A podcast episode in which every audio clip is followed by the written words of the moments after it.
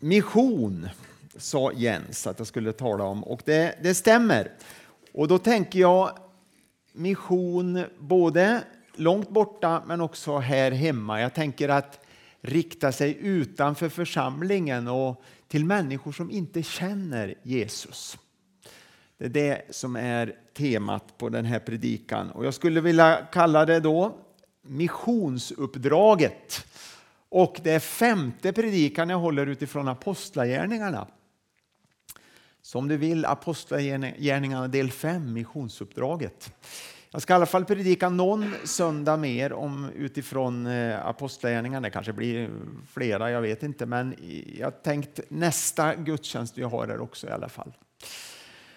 Eh, och eh, jag ska läsa från Apostlagärningarna 1 och 8 först. Det kommer att bli en del bibelverser jag kommer att läsa för att och liksom eh, styrka det jag säger här. Apostlagärningarna 1 och 8 och det är en känd bibelvers som jag tror vi känner igen väl. Och det är Jesus som säger så till lärjungarna innan han lämnar världen. Men ni skall få kraft när den heliga anden kommer över er och ni skall vittna om mig i Jerusalem och hela Judeen och Samarien och ända till jordens yttersta gräns. Herre, tack att du välsignar ditt ord på våra hjärtan den här stunden. Och tack att du vill inspirera oss och ge oss, ge oss kraft. Vi prisar dig för det Jesus. Tack att du vill öppna våra ögon så vi ser uppdraget vi har fått och vad du vill med våra liv. Amen. Amen. Jag har några punkter som jag tänkte ta. Den första är att mission det är församlingens hjärtslag. Om man ser i Bibeln och speciellt då i Apostlagärningarna. Församlingens hjärtslag, pulsslag. Jag vill att vi ska läsa från Apostlagärningarna längre fram nu, 20 kapitlet. Och jag ska läsa två verser där. Det står så här i 21 versen, Apostlagärningarna 20. Och det är Paulus som eh, säger det här, det är ett avskedstal till församlingsledningen i Efesos. Så säger han så här i 21 versen. Och vi kommer liksom in, in i, han har ju börjat talet här så vi kommer mitt i talet här. Och jag har enträget uppmanat både judar och greker att omvända sig till Gud och tro på Herren Jesus. Och så står det i 24 versen. Men jag anser inte att mitt liv har något värde för mig. Jag vill bara fullborda mitt lopp och det uppdrag som jag fått av Herren Jesus att vittna om Guds nåderika evangelium. Att fullborda sitt lopp, att vittna om evangeliet. Det var det uppdraget Paulus hade. Det var inte viktigt för honom att leva kvar här på jorden och han visste att hans tid var kort. Den tid som var kvar var väldigt kort. Det viktiga var att fullfölja uppdraget. Skulle han få leva kvar längre var det för att Gud hade i sin nåd tillåtit honom det och eh, för att han skulle kunna fortsätta vittna om vem Jesus var. Annars var han beredd på uppbrott och flytta hem till Jesus. Och han talar också om att enträget att uppmanat både judar, sitt eget folk och grekerna, alltså hedningarna då, att, att vända sig till Jesus, att omvända sig och tro på vem Jesus var. Det är viktigt att se utanför församlingens behov. Det är lätt att vi blir väldigt inåtvända. Eh, det är viktigt att se inåt också och eh, rannsaka sig ibland. Hur har jag det själv med Jesus i mitt eget liv, i mitt hjärta? Och hur har mina bröder och systrar i församlingen med Jesus? Och uppmuntra de som finns i församlingen också, de andra troende. Det är också viktigt, absolut. Men vi får inte bli så inåtvända att vi glömmer människorna utanför. Att det får liksom vara vår vision att nya människor ska komma till tro. Att nya människor ska få höra evangelium som aldrig har hört om Jesus eller inte känner Jesus. Eh, det gjordes en undersökning för en del år sedan. Jag läste om en eh, ledande församlingskonsult i USA som heter Win Arn.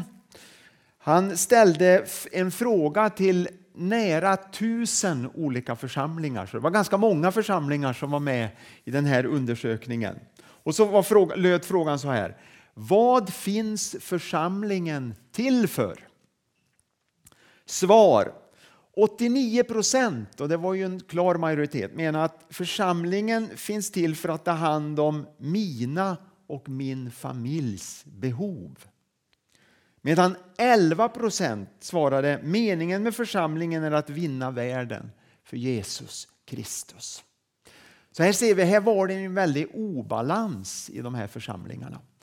Och det var ju många församlingar med i undersökningen så det är nog ganska generellt, i alla fall i evangeliska församlingar, hur man tänker, i alla fall i USA. Jag tror inte det är så stor skillnad på eh, hur vi tänker här, kanske i Sverige också. Det, är ju ingen undersökning som är gjord här, men jag tyckte ändå att det var intressant, en, en tankeställare.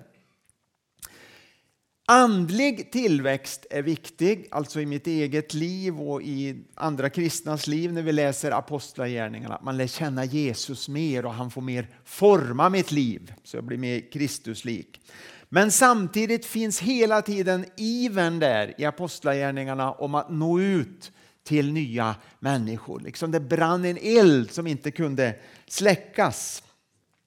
Och när det börjar handla för mycket om struktur och så här. Det är inget fel med struktur och jag själv uppskattar struktur och ordning och jag tror de flesta av oss gör det, tycker det är bra. Men det verkar som att när vi blir för upptagna med det så kommer den heliga Ande in där och börjar störa och ställa till det. Och det blir rörigt och det kan bli ganska mycket oordning. Och så blir det när den heliga Ande verkar. Det blir inte riktigt som vi har tänkt oss, som vi, vi har liksom planerat. Det stör planerna. Det här är intressant och det här får vi hela tiden jobba med. Rörigt, kaotiskt och oordnat, det kan man nog säga att kännetecknar en församling med mycket nya människor, många nyomvända. Och det är ett resultat av att nya människor kommer till tro. Jag tänker på det här att andra kulturer kommer med i församlingen. Eh, det kan vara eh, också att det kommer väldigt mycket ungdomar eh, kommer med, då får man också börja tänka om en hel del. Eller att det blir missbrukare som kommer till tro, då får man också tänka om. Det är många församlingar som, som eh, har upplevt det här. Och jag vet att för några år sedan var det ju många eh, nysvenskar eller invandrare som var med här en del kom med i församlingen också, en del döptes och andra kom till, till gudstjänsten och ni hade olika samlingar. Och det måste jag ju säga, eh, även om inte jag bodde här på den tiden, men jag har hört mycket om det, att, att församlingen gjorde ett fantastiskt arbete och väldigt imponerande arbete och många av er engagerar er väldigt mycket. Och eh, det, det tycker jag är väldigt imponerande. Och det, det ska, måste jag säga att det, jag tror att det gladde Guds hjärta verkligen när han såg det. Och det var ju inte så där bekvämt och det tror jag ni, ni kan hålla med om att det, man, man fick verkligen tänka om och, och, det störde väldigt mycket rutinerna. Men så är det eh, när det kommer nya människor och så är jag övertygad om att Gud vill att det ska vara. Så vi måste hela tiden vara beredda på det och det, det, det är lätt att man blir bekväm.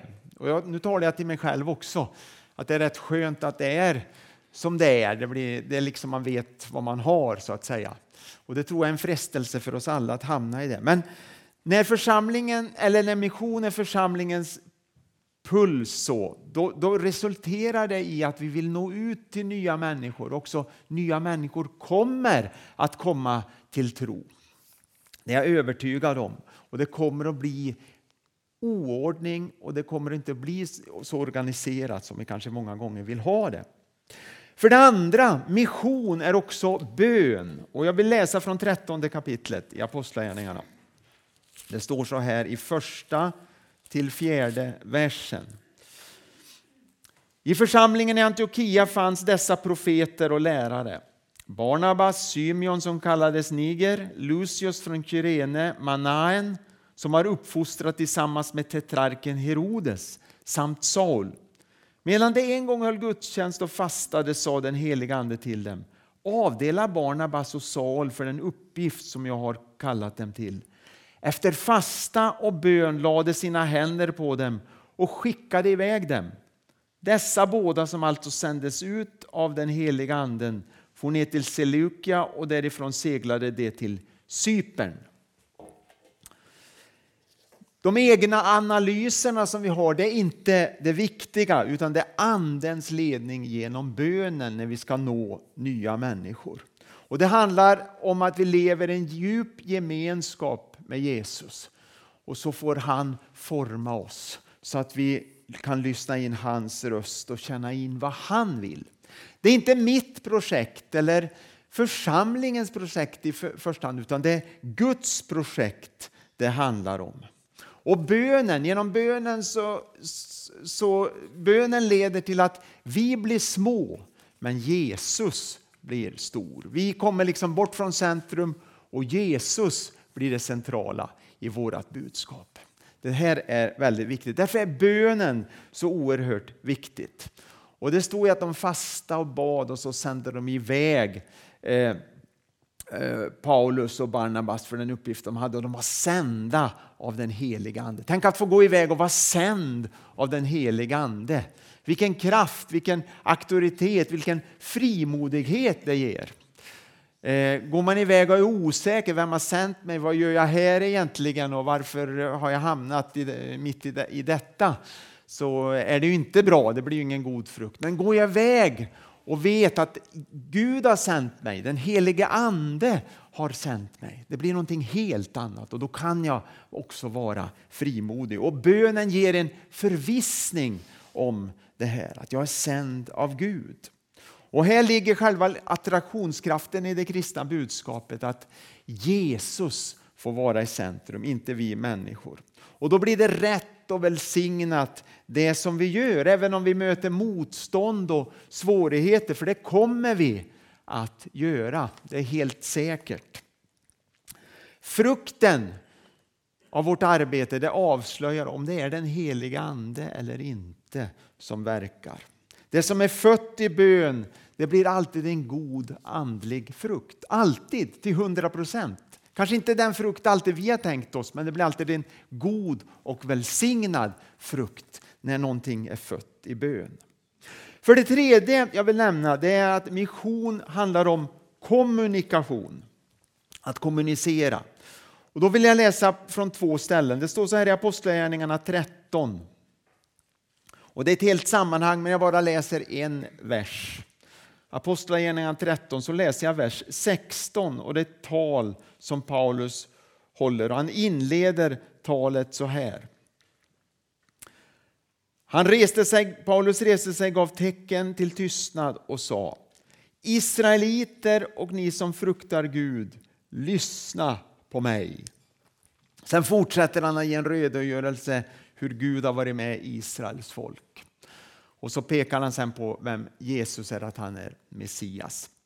Här vänder Paulus sig till judarna och då predikar han så de förstår. Därför talar han utifrån Gamla testamentet. De visste ju vad som stod i Gamla testamentet. De var experter på Gamla testamentet. Eh,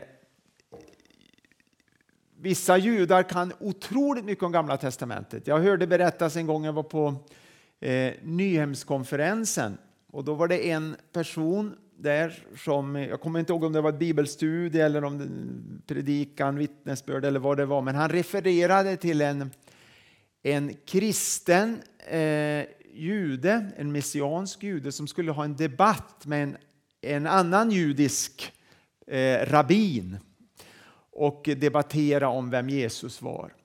Och den här judiske rabbinen, han kunde Alltså den här kristen messianska juden, han var lite nervös inför den här debatten för han visste att den här rabbinen, han kunde hela gamla testamentet utan till. Kan ni tänka er det? Hela gamla testamentet utan till, både fram och baklänges. Så det var ingen lätt debatt. Och eh, det fanns ju säkert sådana här också. Paulus var nog en av dem också, så han hade ju en, lite för, en fördel här egentligen. Att han var så beläst och, och kunnig. Men att eh, han, han, kunde liksom referera till Gamla testamentet och åhörarna här, många av åhörarna som var judar, de visste precis vad han talade om. Exakt, de kände till allt. Och därför refererar han men, till Gamla testamentet. Men de visste ju inte att, eller kände inte Jesus som Messias. Och här behövde den heliga Ande liksom levandegöra detta så att de skulle förstå det i sina hjärtan. Men han utgår från Gamla testamentet. Men sen när han talar i 17 kapitlet, då talar han inte till judar utan då talar han till atenarna, alltså greker, hedningar. Och jag vill bara peka på det då, 17 kapitlet i 22 versen. Det är också ett helt tal, men jag läser bara en vers. Och det säger Paulus så här, eller det står om Paulus så här. Paulus steg fram inför Areopagen och sa Atenare, jag ser av allt att ni är mycket noga med religiösa ting. Jag läser 23 versen också. När jag har gått omkring och sett på era gudabilder har jag nämligen också upptäckt ett altare med inskriften åt en okänd gud. Det som ni alltså dyrkar utan att känna till, det är vad jag förkunnar för er. Det är en helt annan utgångspunkt. Det som ni dyrkar utan att känna till. Totalt annorlunda. De visste inte Gamla testamentet, hedningarna. De kände inte till den här bakgrunden. Därför var budskapet annorlunda. Och Det vill jag säga därför att jag tänker att även idag så är det likadant. Att vi får kommunicera på olika sätt till olika människor beroende på deras bakgrundskunskap. Vi lever i en tid som är väldigt sekulariserad och det är många som vet eh, väldigt lite om kristen tro i vårt land. Därför är det mycket som är självklart för oss, inte för självklart för människor gemene man. Så det får vi tänka till, alltså verkligen vara ledd av den heliga Ande. Hur kommunicerar jag evangeliet med den här människan eller den här gruppen av människor? Och här är vi helt beroende av den helige Andes ledning. I Gamla testamentet så används både proklamation, eller i Apostlagärningarna, förlåt, används både proklamation och dialog. Eh, det vanliga är att man proklamerar evangeliet, man predikar evangeliet. Men i grundtextens ord så finns det en, eh, en dubbel betydelse också. Det finns olika betydelser för, för de här eh, sätten att kommunicera. Och det kan också betyda samtal, diskussion, dialog och det finns också. Så jag tror att vi kan använda både och. Att proklamera, att predika, att peka tydligt på vem Jesus är men också våga samtala med människor och också våga lyssna in människor utan att för den skull kompromissa med min övertygelse. För så tänker man många gånger att dialog, det handlar om att jag ska kompromissa, att jag ska bli liksom liberal. Men det är inte den dialogen jag talar om, utan jag talar om att man, har, man är fast förankrad i sin tro på Bibeln och på vem Jesus är, men ändå våga möta människor i samtal. Och här handlar det om den här balansen mellan sanning och, och kärlek, de som vi brukar tala om så många gånger. Hur viktigt det är. Och lita på att den heliga Ande är med mig, han visar vad som är, vad som är rätt. Att stå för det som är sant det är en utmaning idag i, i de här tiderna. Vi vet att det stormar mycket där med bibeltrohet och vad som är rätt och fel. Och, eh, mycket, mycket diskussioner om det här med sexualitet och sådana här saker. Och Det finns andra saker och andra frågor också. Som vi, vi, vi, det är lätt att påverkas väldigt mycket av, av tidsandan. Vad är rätt? Vad är fel? Om man påverkas känslomässigt. Och här är det väldigt viktigt att att stå för det som är rätt men ändå vara fylld av kärlek. För det blir väldigt lätt att man blir hatisk och det blir väldigt hårda ord och man blir väldigt fördömande från olika håll och kanter. Men att våga stå för det som är sant och rätt men ändå fylld av Guds kärlek. Och Det är bara den heliga Ande som kan göra i våra liv. Det är lätt att det blir väldigt, väldigt mycket mänskligt i, i, i sådana här diskussioner och stridigheter. Så det är viktigt att stå för det som är sant och rätt, inte följa tidsandan men ändå våga lyssna och visa kärlek och förståelse för människor. Den balansen är inte alltid så enkel. Och här talar jag verkligen till mig själv. Mission är också överraskningar. 16 kapitlet i Apostlagärningarna och vers 6 till 10 så står det så här. Det tog sedan vägen genom Frygen och Galatien eftersom den heliga ande hindrade dem från att förkunna ordet i Asien. När de hade nått Mysien ville de bege sig till Betynien, men det tillät inte Jesu ande. Då gick de genom Mysien och kom ner till Troas. På natten hade Paulus en syn. En makedonier stod där och bad honom Kom över till Makedonien och hjälp oss. När han hade haft denna syn försökte vi genast ta oss till Makedonien ty vi förstod att Gud hade kallat oss att förkunna evangeliet där. Det handlar om överlåtelse och att våga släppa kontrollen över sitt liv. Eh, och att fungera på olika sätt i olika sammanhang. Det är lätt att vi har invanda mönster men när den helige Ande kommer så blir det överraskningar. Ganska dramatiska överraskningar också. Och jag tror att många gånger så har vi skapat oss en, en Gud som inte överraskar oss eller överväldigar oss. Men Gud vill att vi ska låt, våga låta oss överraskas och låta, låta oss överväldigas av vad han gör. Här hade Paulus en plan hur de skulle evangelisera, hur de skulle resa, men den helige ande hindrade dem. Han hindrade dem, för han ville att de skulle över till Europa, till Makedonien. En makedonsk man stod och ropade. Det är en del, delar av, av Grekland, inte det som är landet Makedonien idag, men en delar av Grekland idag. Och eh, De gjorde så, det blev framgång, för det var det som var Guds vilja. Ibland kan vi tro att det här är det vi ska göra och det är det här som Gud vill och så här har vi alltid gjort och, och så vidare. Men Gud vill överraska oss. Han vill visa att hans vilja är det, är det viktigaste. Och det kan, det kan ske många gånger som, som, som en överraskning för oss. Så vi måste vara öppna för det. Den heliga Ande kanske vill göra på ett annat sätt än jag tänkt och planerat. Men det är viktigt med, överrask eller med öppenhet för det. Så mission det handlar om en träning i överraskningar. Mission är också Andens verk. Det står i Apostlagärningarna, det andra kapitlet, på pingstdagen när den heliga Ande föll, så står det så här i en vers. Jag, jag väljer bara att läsa en vers, men det är ett helt sammanhang här också. Både judar och proselyter, vi är kretensare och araber, Ändå hör vi dem tala på vårt eget språk om Guds goda, stora gärningar. Och innan det står det att de fylldes av den helige Ande.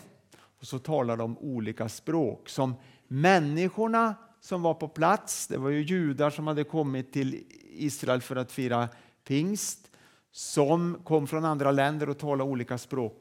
De förstod språken som lärjungarna talade i den helige Ande. Den helige Ande vill att vi ska räkna med hans gåvor i vårt liv. Och inte minst när vi tänker på det här med mission och evangelisation. Vi arbetar med Gud, inte för Gud i första hand. Vi arbetar tillsammans med Gud. Gud är suverän. Någon skrev så här en gång och det, det, det är faktiskt eh, sant att Gud behöver oss inte. Det gör han ju inte egentligen. Gud är ju suverän. Han kan göra precis vad han vill. Men i sin nåd har han valt att samarbeta med oss, att använda oss. Han har kallat oss till tjänst. Och den heliga ande visar människan om att hon behöver Jesus. Hon övertygar människan om att hon behöver Jesus. Det är bara den heliga Ande som kan göra det. Någon sa också någon gång att man kan prata en människa in i Guds rike, alltså med massa argument. Men, man, men samma människa kan man också prata ur Guds, ut ur Guds rike.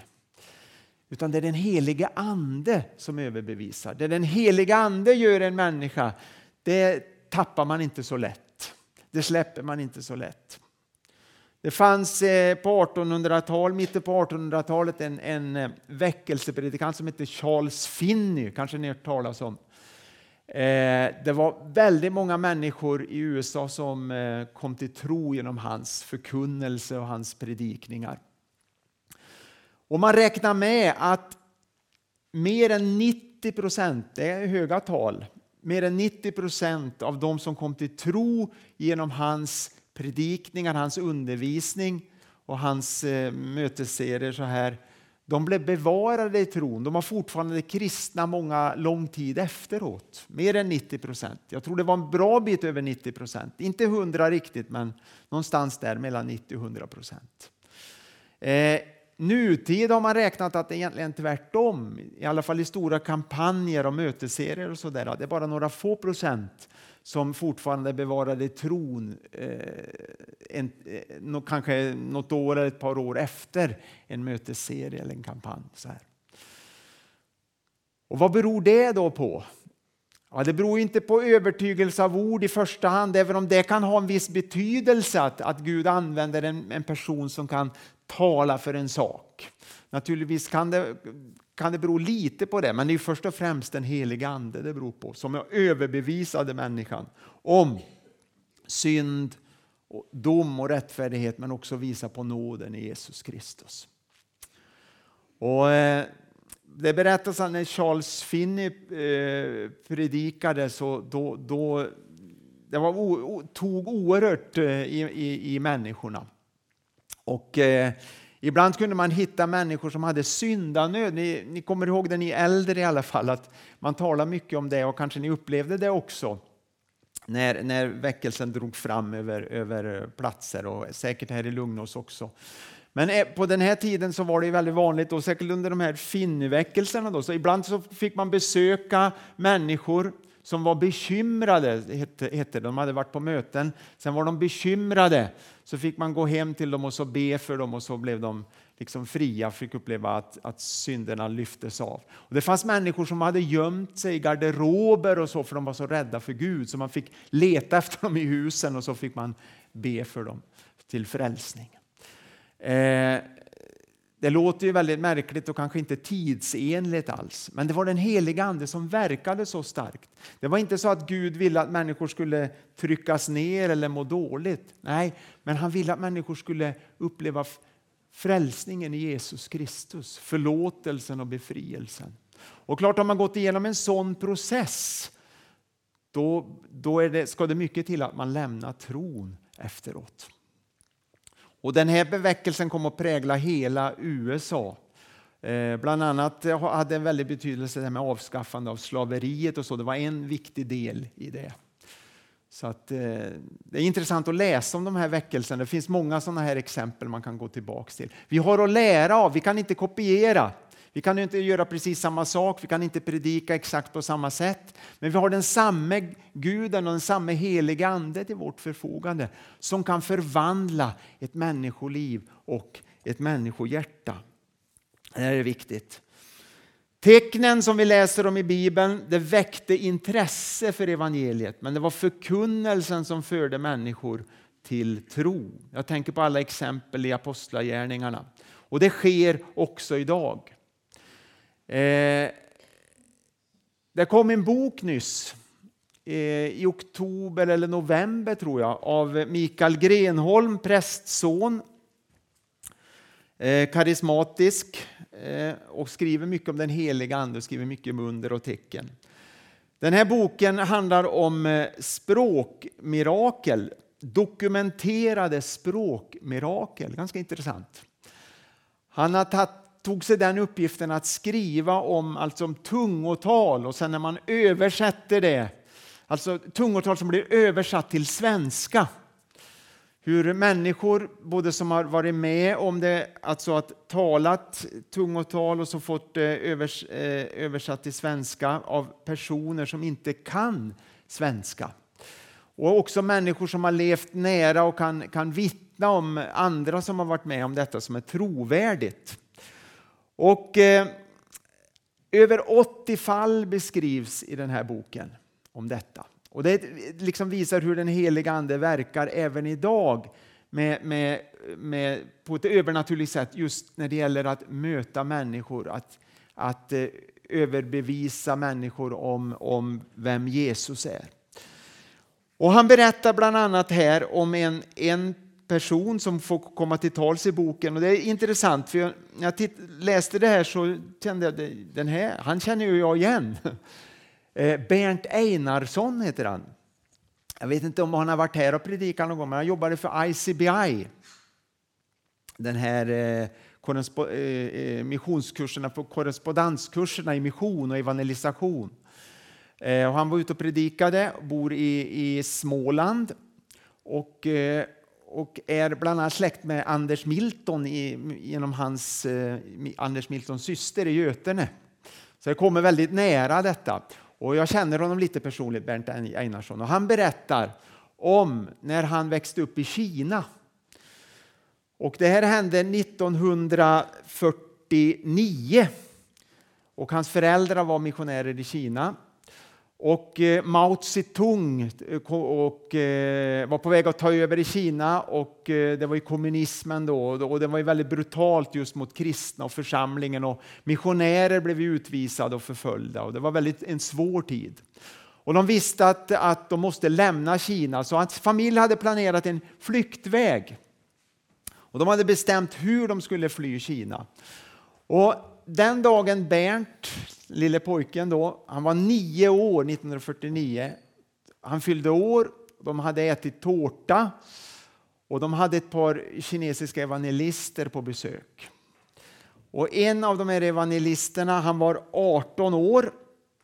Han hette Shi Guang. Och eh, han kunde absolut ingen svenska. Men han får ett budskap under tiden de ber tillsammans på ren svenska. Eh, författaren här frågar om var det på småländska också. Ja, jag tror det, tror det, sa Bernt Einarsson, för det var ju det som, som mina föräldrar pratade. Men det var perfekt svenska. Och budskapet eh, handlar om hur de ska fly, att de inte ska fly på det sättet som de har planerat, utan Gud hade en annan flyktväg på ett annat sätt. Och eh, de skulle fly, jag tror det var dagen därpå hade de planerat, så det var ju väldigt bråttom. Så det var ju väldigt kort varsel. Och det var budskapet. Och eh, de gjorde som eh, den här hälsningen från Gud sa och det löste sig allt. Allt var liksom förberett. De kom ut med amerikanska flygplan och de kom, kom, kunde lämna Kina där då, dagen efter 1949. Väldigt fascinerande berättelse hur Gud verkar. Och eh, ungefär 50 år senare, en lång tid efter, så träffar Bernt Einarsson, han som var liten pojke då, den här kinesiske evangelisten som var 18 år vid det här tillfället. Och då, då berättar den här evangelisten att han har suttit i fängelse, fick sitta i fängelse under Mao Zedongs tid i 30 år eh, efter det här hände. Och han sa så här, den här evangelisten, att hans tro, min tro har inte vacklat, min tro på Jesus har inte vacklat utan jag har stått fast vid Jesus. Och jag är lika glad att tjäna Jesus i fängelse som i frihet. Det är ett starkt vittnesbörd. Men Gud var med där och det var en väldigt speciell situation för de här missionärerna. Och då ser man hur Gud använder de övernaturliga gåvorna också. Så när vi går i tro och följer den helige Andens ledning så sker det saker som är gudomliga i våra liv. När vi lämnar det bekväma, så mitt i farorna i frontlinjen, så det är då Gud kan verka som mest effektivt. Och det är då vi får se gåvorna i funktion. Det är när vi är liksom på den här äggen riktigt, när det är riktigt så här eh, fara, fara för livet så att säga. Då verkar Gud som mest. Är vi bekväma och drar oss tillbaks, då ser vi mindre av Gud. Till sist, helt kort innan jag säger amen. Missionen handlar också om enhet.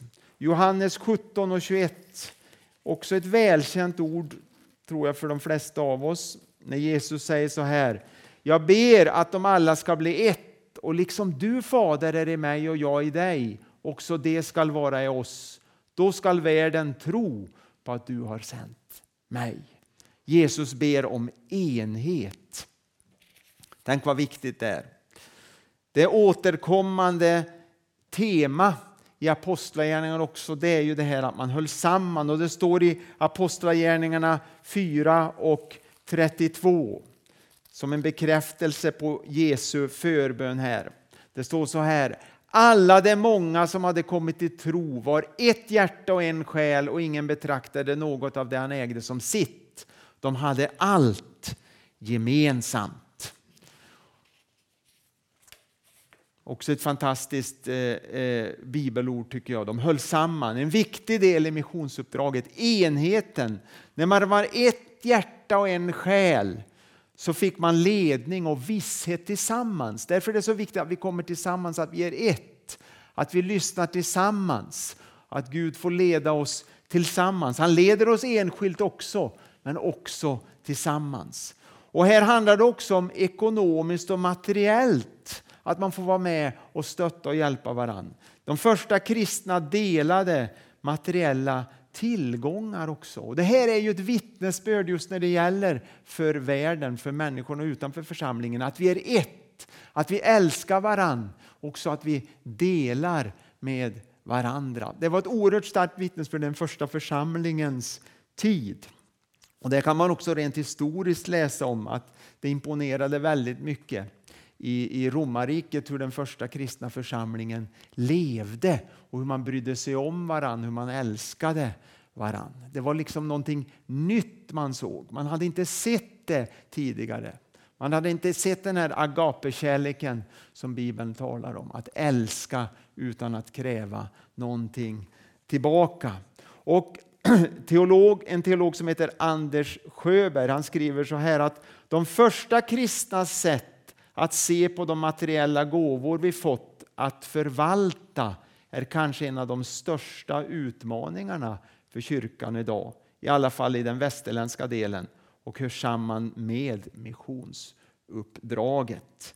Gåvor, inte som vi äger och som vi kan klamra oss fast till utan som vi har fått av Gud för att förvalta.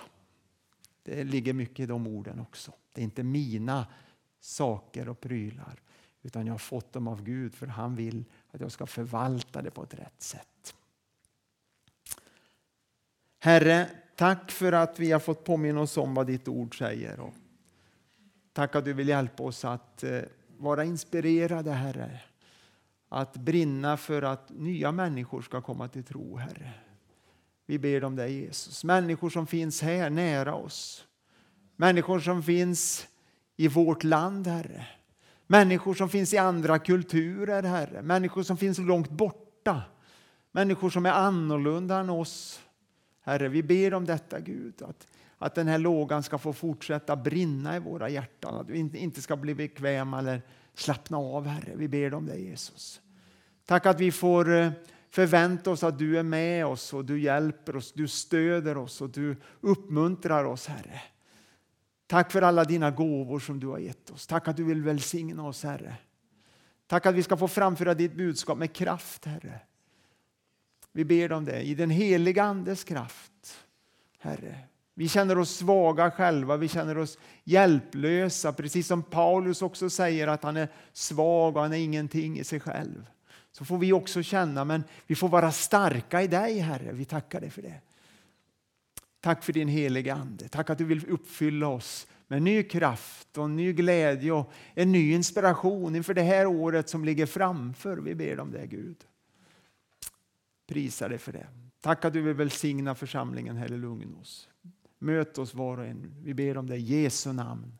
Amen. Amen.